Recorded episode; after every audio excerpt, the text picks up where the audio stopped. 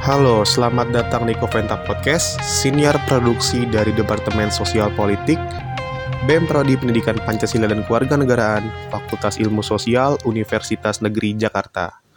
Gua di sini Aldo Pertama Putra, yang dalam episode ini akan membahas pemba pembahasan mengenai Permendikbud nomor 30 tahun 2021 tentang pencegahan dan penanganan kekerasan seksual di lingkungan perguruan tinggi. Sebelum kita membahas lebih lanjut mengenai Permendikbud nomor 30 tahun 2021 ini, kita harus memahami dulu mengenai latar belakang terbitnya Permendikbud ini. Permendikbud nomor 30 tahun 2021 tentang pencegahan dan penanganan kekerasan seksual di lingkungan perguruan tinggi ini dirumuskan atas kenyataan bahwa di perguruan tinggi terdapat uh, tingginya tingkat kekerasan seksual di lingkungan kampus yang tidak terselesaikan dan sering kali korban tidak terpenuhi haknya. Hal yang menjadi concern dalam Permendikbud nomor 30 tahun 2021 ini yaitu harus adanya Satgas. Dalam setiap perguruan tinggi harus terbentuknya Satgas yang melakukan pencegahan, menangani serta melakukan pendampingan tidak lanjut pada korban kekerasan seksual di lingkungan kampus. Kemudian penjabaran yang spesifik mengenai kekerasan seksual dan partisipasi seluruh sivitas akademika dalam memberantas kasus tingkat kekerasan seksual di lingkungan kampus. Namun, pada penerbitan, penerbitan regulasi ini, terdapat pihak kontra pada Permendikbud nomor 30 tahun 2021 ini. Argumen dari pihak yang menolak mayoritas pada pasal 5 ayat 2 dalam frasa tanpa persetujuan korban, yang menurut kelompok kontra bermakna tendensius seperti melegitimasi perzinahan dan seks bebas. Padahal perzinahan sendiri sudah diatur dalam KUHP Konteks tanpa persetujuan ini tentu didasarkan pada suatu timpangnya kuasa sehingga menimbulkan ancaman, tekanan psikologis, dan lain sebagainya. Pemahaman mengenai moral, etika, dan hukum dirasa harus lebih dipahami oleh berbagai pihak dalam perdebatan ini. Selain itu, suatu aturan hukum itu tidak berdiri sendiri. Jika terdapat suatu aturan dalam suatu rumusan hukum yang di dalamnya tidak mengatur hal tersebut, maka akan berlaku aturan lain yang mengaturnya. Jadi yang selalu dipermasalahkan tentang klausa bagaimana kalau yang suka sama suka, apakah menjadi legal suatu perzinaan? Ya tentu jawabannya tidak, karena ada aturan lain yang akan berlaku seperti KUHP tentang perzinaan, kemudian undang-undang pornografi, bisa juga termasuk dalam undang-undang perkawinan dan aturan lainnya. Perdebatan ini dirasa adalah perdebatan yang dangkal akan substansi, pembicaraan harus fokus kembali kepada pengembangan Permendikbud nomor 30 tahun 2021 ini dan harus diingat bahwa korban pelecehan benar-benar ada dan jika dianalisa lebih lanjut, banyak sekali kasus yang tertutup selimut ketakutan dari para korban.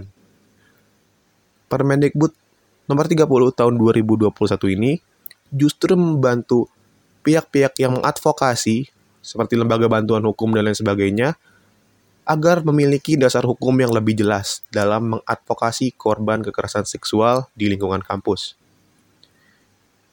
Uh, saya rasa kita perlu menjauhkan polemik dalam Permendikbud ini dengan narasi politik yang dibawa oleh pihak-pihak tertentu dan termuat logical fallacy atau sesat pikir dalamnya.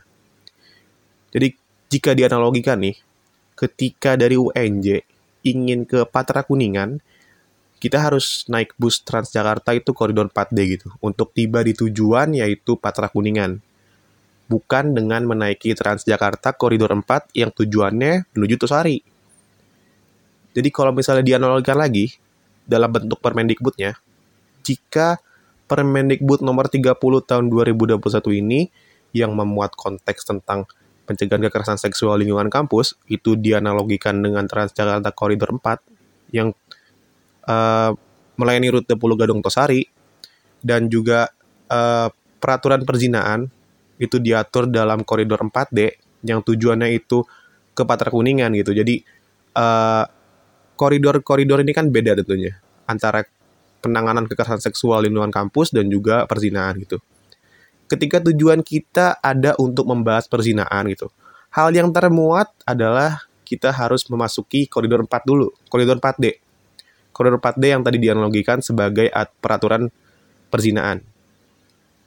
Kemudian ketika pembahasannya mengenai kekerasan seksual lingkungan kampus, koridor 4 lah yang mengakomodir tujuan tersebut.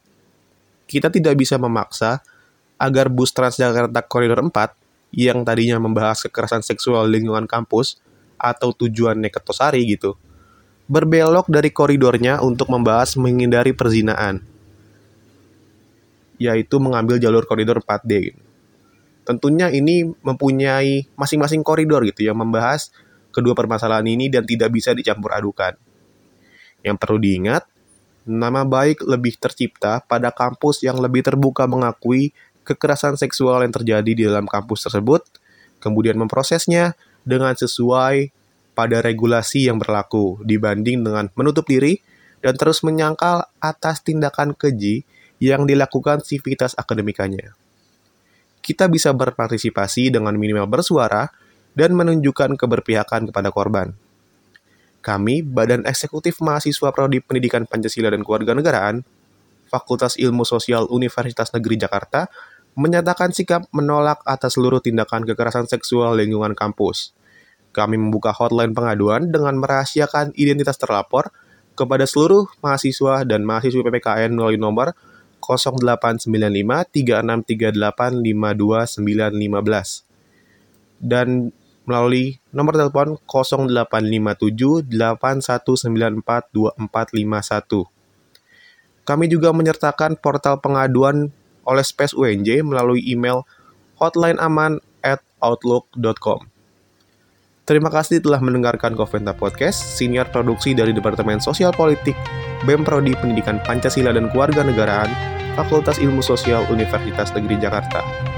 Ikuti terus episode-episode selanjutnya dari Koventa Podcast dan ikuti perkembangan dari BEM PPPKN FIS UNJ melalui Twitter BEM PPKN underscore UNJ, di Instagram BEM PPKN underscore UNJ, dan di Youtube BEM PPKN UNJ. Sampai jumpa.